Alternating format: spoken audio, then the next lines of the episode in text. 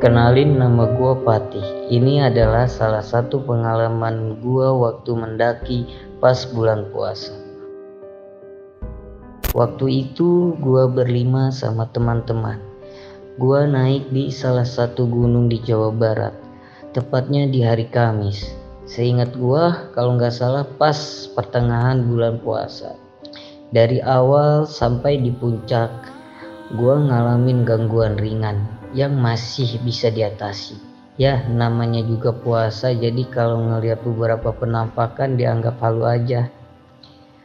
Tapi hal yang paling membekas bagi gua dan teman-teman adalah saat gua kedatangan seorang yang ikut nemenin gua saat sahur hingga ikut jalan ke puncak.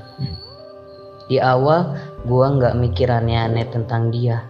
Gua kira ya emang mau bareng, tapi anehnya pas gua turun dan yang lain malah nyasar ke sebuah makam. Nama makam itu sama percis dengan orang yang gua temuin tadi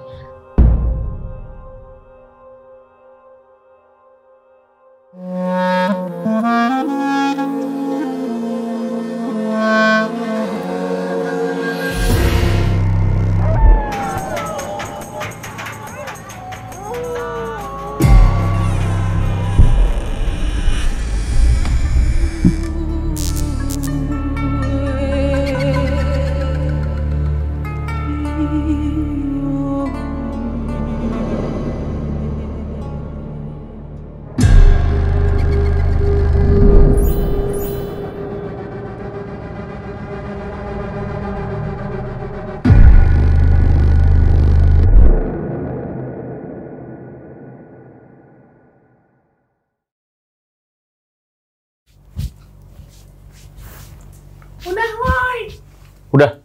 Udah. Oke. Jadi guys, dari kemarin itu ya banyak banget yang request sama gua supaya Bang tolong dong ceritain tentang gunung lagi. Ya masalahnya nih, riset sama nyarinya itu susah, nggak gampang guys. Tapi ya udahlah, apa sih yang nggak buat kalian? Dan sekarang kan lagi bulan puasa nih, gue tuh mikir juga ya kalau orang mendaki gunung pas lagi bulan puasa itu pada puasa apa enggak? Kan namanya mendaki itu pasti aus. Coba kalau kalian yang pernah mendaki pas puasa boleh banget komen di bawah. Nah, pada kali ini ada cerita dari seorang pendaki nih. Kebetulan dia mendaki itu pada saat lagi bulan puasa. Dan pastinya cerita ini itu, wah gila sih. Ya kalian nanti lihat sendirilah ceritanya kayak gimana. Nah sebelum dimulai kayak biasa, subscribe, like, comment, share yang banyak. Terus juga follow nih Instagram gue, Deril Aditya, biar cepet centang biru guys. Gue heran gak centang-centang biru. Udah gitu follow juga nih TikTok gue, Deril Aditya, di mana ada konten-konten yang berbeda dari YouTube. So, gue rasa langsung saja berikut adalah ceritanya.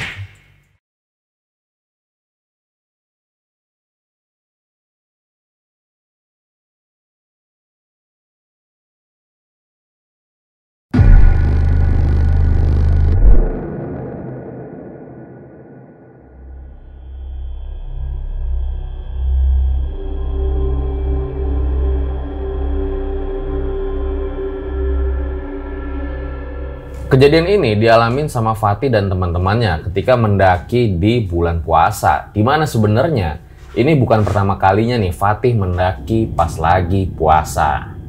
Jadi Fatih ini emang udah sering tuh hiking pas lagi puasa. Jadi dia udah tau lah tuh resikonya kayak gimana.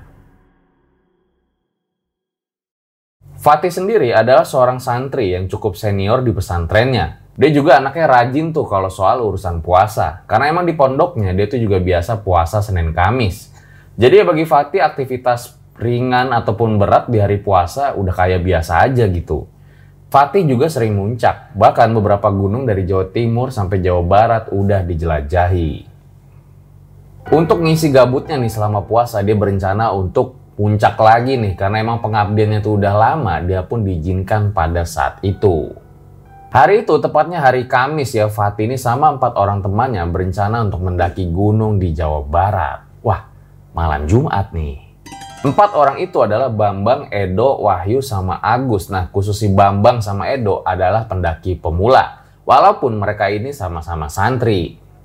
Mereka berangkat hari Rabu sore sampai di penginapan sekitar jam 9 malam. Malamnya mereka sahur tuh dengan beberapa menu ya. Ada ayam, telur, susu, dan lain-lain lah. Hitung-hitung buat ngumpulin tenaga nih. Sebelum muncak pagi harinya. Pagi harinya mereka beres-beres dulu tuh. Lalu setelahnya langsung ke base camp. Nah setelah menempuh perjalanan, mereka itu sampai di base camp sekitar jam 9 pagi. Barulah setelahnya mereka simaksi. Mereka mulai pendakian sekitar jam 10 siang. Untungnya nih cuaca itu nggak trik-trik amat. Ya tenggorokan jadi nggak seret-seret amat lah.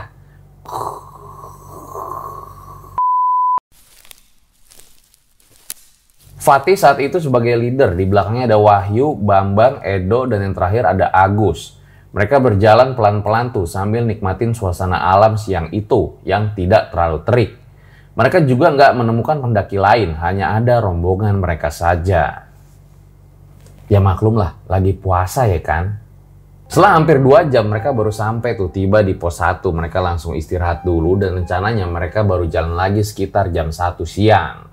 Sambil istirahat ada yang sholat, ada yang santai-santai, bahkan karena emang lagi ngerasa panas tuh. Salah satu dari mereka ada yang mandi karena emang itu lagi deket di sumber air. Gue mandi dulu deh ya. Panas banget ini. Ya salam, yaudah jangan lama-lama ya.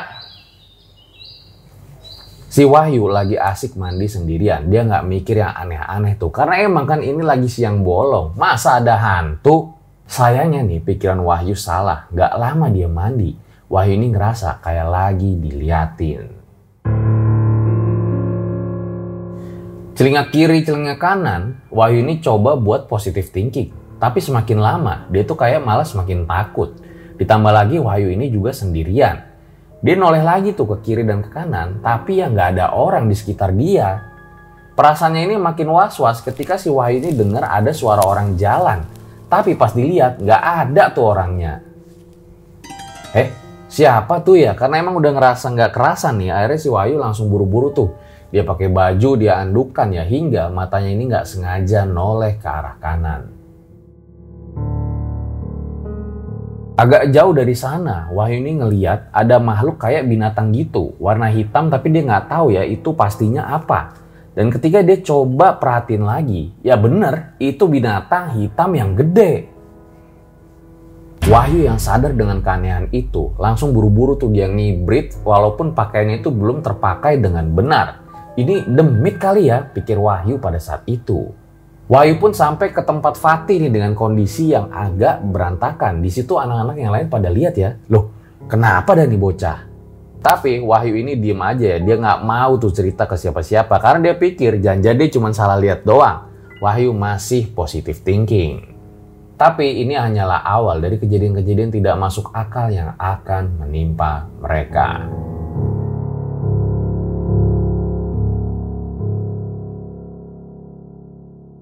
Buat kalian yang punya pengalaman horor nyata, bisa kirim cerita kalian ke email rj5 atau DM Instagram rj5.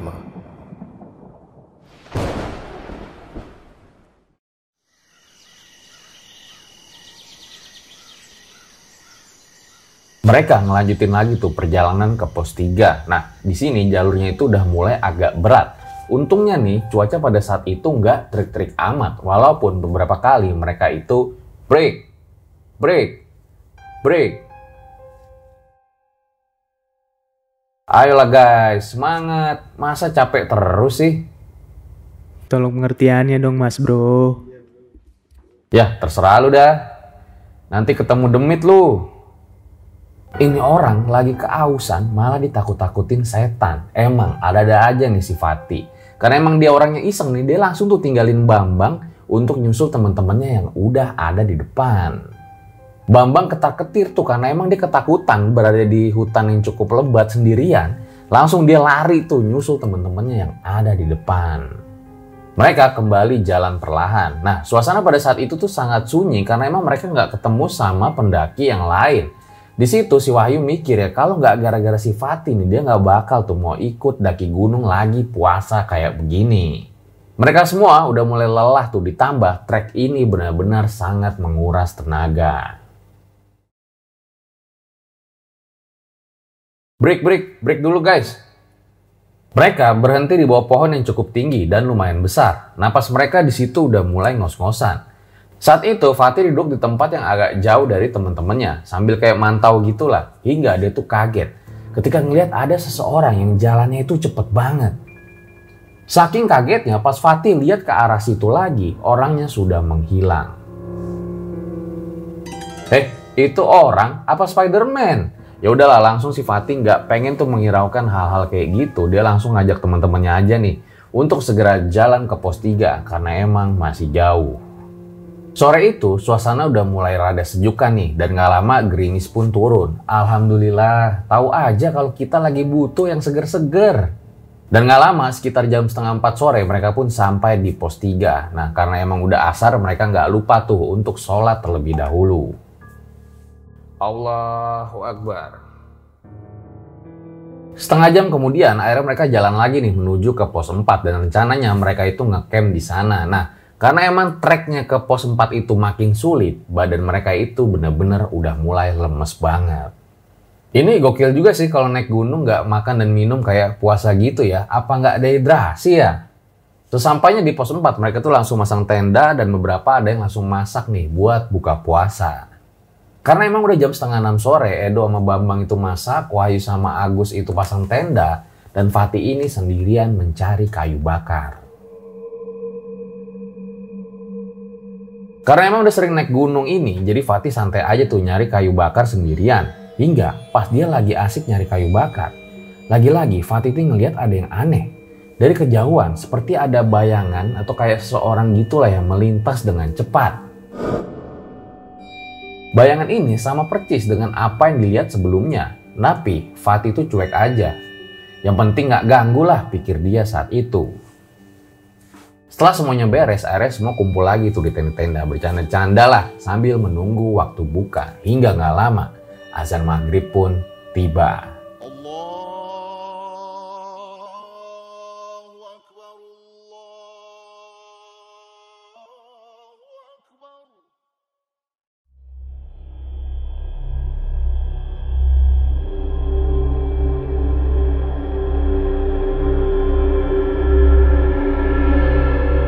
Asik, buka nih. Nah setelahnya mereka tuh makan udah kayak orang nggak makan seminggu. Cepet bener ngabisin makanannya.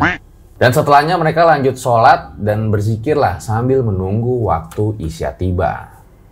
Singkat cerita setelah selesai sholat isya mereka ini bingung ya pengen ngecamp tuh di pos 4 apa pos 5. Ya udahlah akhirnya diputusin tuh udah kita ngecamp aja di pos 5. Sekitar jam 8 malam mereka jalan lagi tuh menuju ke pos 5. Jarak dari pos 4 ke pos 5 sekitar satu jam lah. Mereka jalan dengan santai tuh sambil nikmatin suasana malam. Tapi entah kenapa perasaan Fatih ini kayak ngeganjel aja gitu loh. Ada yang nggak enak. Tapi dia diem aja lah nggak pengen cerita ke temen-temennya. Setelah sampai pos 5 mereka itu istirahat ya dan langsung bangun tenda. Nah si Fatih itu mikir kenapa mereka itu harus di pos 5. Supaya nanti pas waktu sahur mereka jalan ke puncak itu waktunya nggak tergesa-gesa. Dan setelah capek mereka hilang, mereka juga langsung sholat tarawih di sana. Allahu Akbar. Keren juga nih si Fatih. Setelah tarawih mereka itu nyemil ya sambil ngobrol-ngobrol santai lah. Nah tapi di situ mereka nggak ngeliat tuh ada pendaki lain sama sekali. Hingga sekitar jam 11 malam nih orang-orang tuh udah mulai pada ngantuk. Ya udahlah semuanya tuh pada tidur. Sisa tinggal Fatih sama Wahyu doang. Dan nggak lama nih, Fatih itu kebelet buat kencing. Ya udahlah, dia jalan tuh untuk menuntasin hajatnya. Dalam perjalanannya sendiri itu, Fatih ngeliat ya, ada sebuah tenda yang berdiri. Tapi tenda itu kayak sepi, nggak ada orangnya. Eh, ini tenda ada orangnya apa enggak ya? Oh, mungkin udah tidur kali, pikir Fatih pada saat itu. Dan saat lagi perhatiin tenda itu, tiba-tiba aja nih si Fatih ada yang nepuk pundaknya. Sendirian aja mas. Astagfirullahaladzim. Eh, iya bang, ada temennya kok bang. Astaga kaget saya. Mereka ada di sana bang, teman saya bang. Setelah ngobrol-ngobrol sebentar, ternyata nama dari pemuda itu adalah Abdul. Ya udahlah karena emang kebelet buat pipis, si Fatih pun jalan tuh untuk menuntaskan hajatnya. Dan setelah selesai dia balik lagi dong ke tempat itu dan ternyata tendanya itu udah nggak ada. Eh buset nih. Di situ ya udahlah karena nggak mau mikirin hal yang aneh-aneh, si Fatih langsung jalan aja tuh ke tendanya karena emang dia udah ngantuk banget. Malam itu suasananya tuh berbeda dari malam-malam lainnya kalau menurut Fatih. Tenang dan sejuk gitulah. Fatih sama keempat temannya tuh sudah tertidur dengan pulas. Hingga nggak lama nih, ada suara yang bikin Fatih jadi kaget. Bangun. Fatih kaget ya karena ngerasa tidurnya ini keganggu. Sayup-sayup tuh dia pas dia lihat ternyata ada seseorang yang wajahnya pucat. Buset deh, apaan tuh? Fatih bangun dan jantung itu langsung deg-degan. Ternyata itu si Abdul dong, orang mas-mas tadi yang ketemu saat si Fatih ini pengen buang air kecil. Ya udahlah Fatih pengen bangunin temen-temennya, eh tapi malah dilarang sama si Abdul. Jangan dibangunin, biar saya aja yang nemani kamu masak. Dan entah kenapa Fatih juga tiba-tiba nurut aja tuh. Padahal sebelumnya dia juga nggak kenal kan sama si Abdul. Mereka berdua ngobrol tuh akhirnya. Namun Abdul ini orangnya lebih banyak diem. Dia itu hanya menjawab sekedarnya aja. Sambil masak nih si Fatih itu mikir jangan-jangan si Abdul ini dia tuh lagi solo hiking gitu loh makanya nyari temen-temen lah buat bisa diajak ngobrol gitu. Masalahnya ketika si Fatih ini nanya, si Abdul itu jawabannya aneh dan cuma dikit-dikit doang gitu. Jadilah dia males buat nanya-nanya. Dan setelah semua masakan mateng, si Fatih ini bangunin temen-temennya. Woi, sahur woi, sahur. Dan pas temen-temennya itu bangun, semuanya pada kaget dan shock. Karena ngeliat ada seseorang yang wajahnya itu pucat banget. Loh, siapa tuh? Itu Abdul. Udah siap-siap sana sahur. Ini sifatnya nemu makhluk ini di mana coba? Lebih banget bikin orang senam jantung. Ayo bang, makan silakan bang. Duluan aja, gue udah. Ingat jangan berlebihan. Tetap jaga sikap meskipun lagi bulan puasa. Fatih ngerasa aneh ya, tumben-tumbennya nih Abdul kok yang tadinya jarang ngomong tiba-tiba jadi ngomong gitu loh. Ditambah lagi, apa sih sebenarnya maksud Abdul ngomong kayak gitu? Karena kan selama ini gue udah tuh sering tuh naik gunung dan ke gunung ini juga. Aman-aman aja tuh pikir Fatih pada saat itu. Fatih dan lainnya lanjut tuh makan sahur lagi ya ditemenin sama si Abdul yang dari tadi juga cuman diem doang. Dan pas ditanya nih kalau sama anak-anak kenapa Dul kok muka lu tuh pucat gitu loh. Pasti jawabannya karena efek kedinginan. Dan keanehan sama Abdul ini terus terjadi ya, apalagi ketika mereka itu sampai di puncak gunung. Singkat cerita nih, mereka tuh sampai di puncak gunung sekitar jam 4 pagi ya. Lagi-lagi nih si Abdul itu ngomong hal yang aneh. Kalau pulang nanti, jangan lupa mampir ke rumah gua ya. Fatih sama yang lainnya tuh iya-iyain aja ya, karena emang kan ini lagi di puncak. Kok malah disuruh main ke rumah Abdul? Ada-ada aja nih bocah, pikir mereka saat itu. Mereka semua asik tuh nikmatin ya suasana puncak lah namanya udah jauh kan perjalanan gitu loh. Hingga mereka tuh nggak sadar ya kalau Abdul itu tiba-tiba udah nggak ada. Di situ mereka coba cari tuh ke mana sebenarnya perginya Abdul. Tapi Abdul juga tetap nggak ketemu. Abdul. Abdul. Abdul. Setelah mereka nyari Abdul nggak ada, ya udahlah mereka mulai turun tuh untuk balik ke tenda. Dan di perjalanan turun ini, mereka bingung ya. Ternyata mereka malah salah jalur. Dan ketika mereka berusaha untuk kembali ke jalur yang tepat, Fatih dan lainnya itu ngelihat ada sebuah makam, kayak makam lama tapi masih kelihatan kerawat gitulah. Dan mereka benar-benar shock banget ketika melihat namanya itu adalah Abdul 2013. Mereka semua shock. Abdul, jangan-jangan ini Abdul yang tadi hilang lagi. Ditambah lagi Abdul ini sempat bilang tadi, jangan lupa ya mampir ke rumah gua. Jangan-jangan ini rumah yang dimaksud sama si Abdul lagi. Di situ merindinglah mereka semua. Berarti yang sama mereka tadi siapa coba? Di nisan itu ya sebenarnya tanggal sama tahunnya itu udah nggak terlihat jelas ya, udah mulai kayak pudar gitulah. Di tengah-tengah kebingungan mereka tentang sosok Abdul ini, mereka pun mendoakan tuh agar Abdul ini tenang dan diterima di sisinya. Sempat nggak percaya tapi mau gimana ya ini makamnya udah ada gitu loh ya udahlah setelah selesai mendoakan mereka pun turun ya dengan hati-hati. Turun-turun-turun semuanya normal-normal aja tuh dan ketika sampai di bawah mereka tuh saling bertukar cerita ya di mana ternyata Fatih ini ngerasa udah dari awal sebetulnya gitu loh kayak ada seseorang atau kayak bayangan gitulah yang ngikutin dia. Dan bayangan atau seseorang itu baru hilang ketika sosok Abdul ini muncul di hadapannya. Merindinglah mereka semua dengar pengakuan dari Fatih karena emang setelah dari puncak itu mereka nggak ketemu lagi tuh sama Abdul ya. Tahu-tahu mereka melihat ya itu dia ada sebuah nisan yang bertuliskan nama Abdul.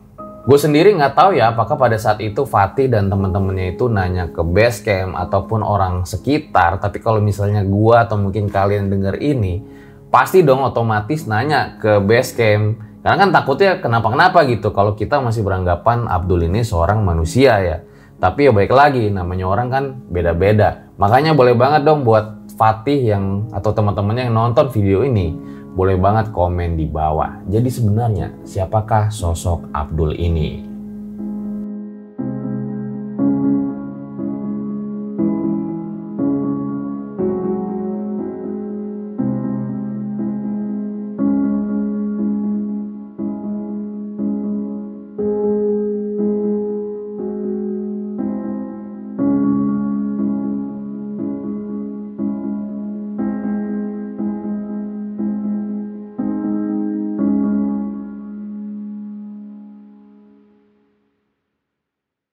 Itu dia guys sebuah kisah luar biasa dari Fatih di mana kita jadi tahu ya gambaran kalau puasa mendaki itu kurang lebih kayak gini lah. Tapi yang masih jadi misteri itu siapa sebenarnya Abdul?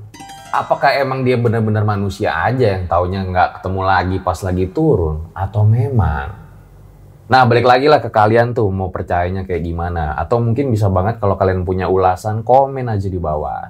Sekali lagi gue ucapin makasih sama Fatin ya, eh Fatih yang udah ngizinin gua untuk bercerita kisahnya yang luar biasa sih. Sekali lagi makasih buat Fatih yang udah ngizinin gua bacain kisahnya. Ambil baiknya, buang buruknya. Dengan adanya kisah-kisah seperti ini, jangan malam jadikan kalian takut. Akan tapi kalian harus semakin yakin dan percaya dengan kebesarannya. Gue Fajar Aditya, RJ5 undur diri. Ciao. Nah, gue tawa-tawa, Jay.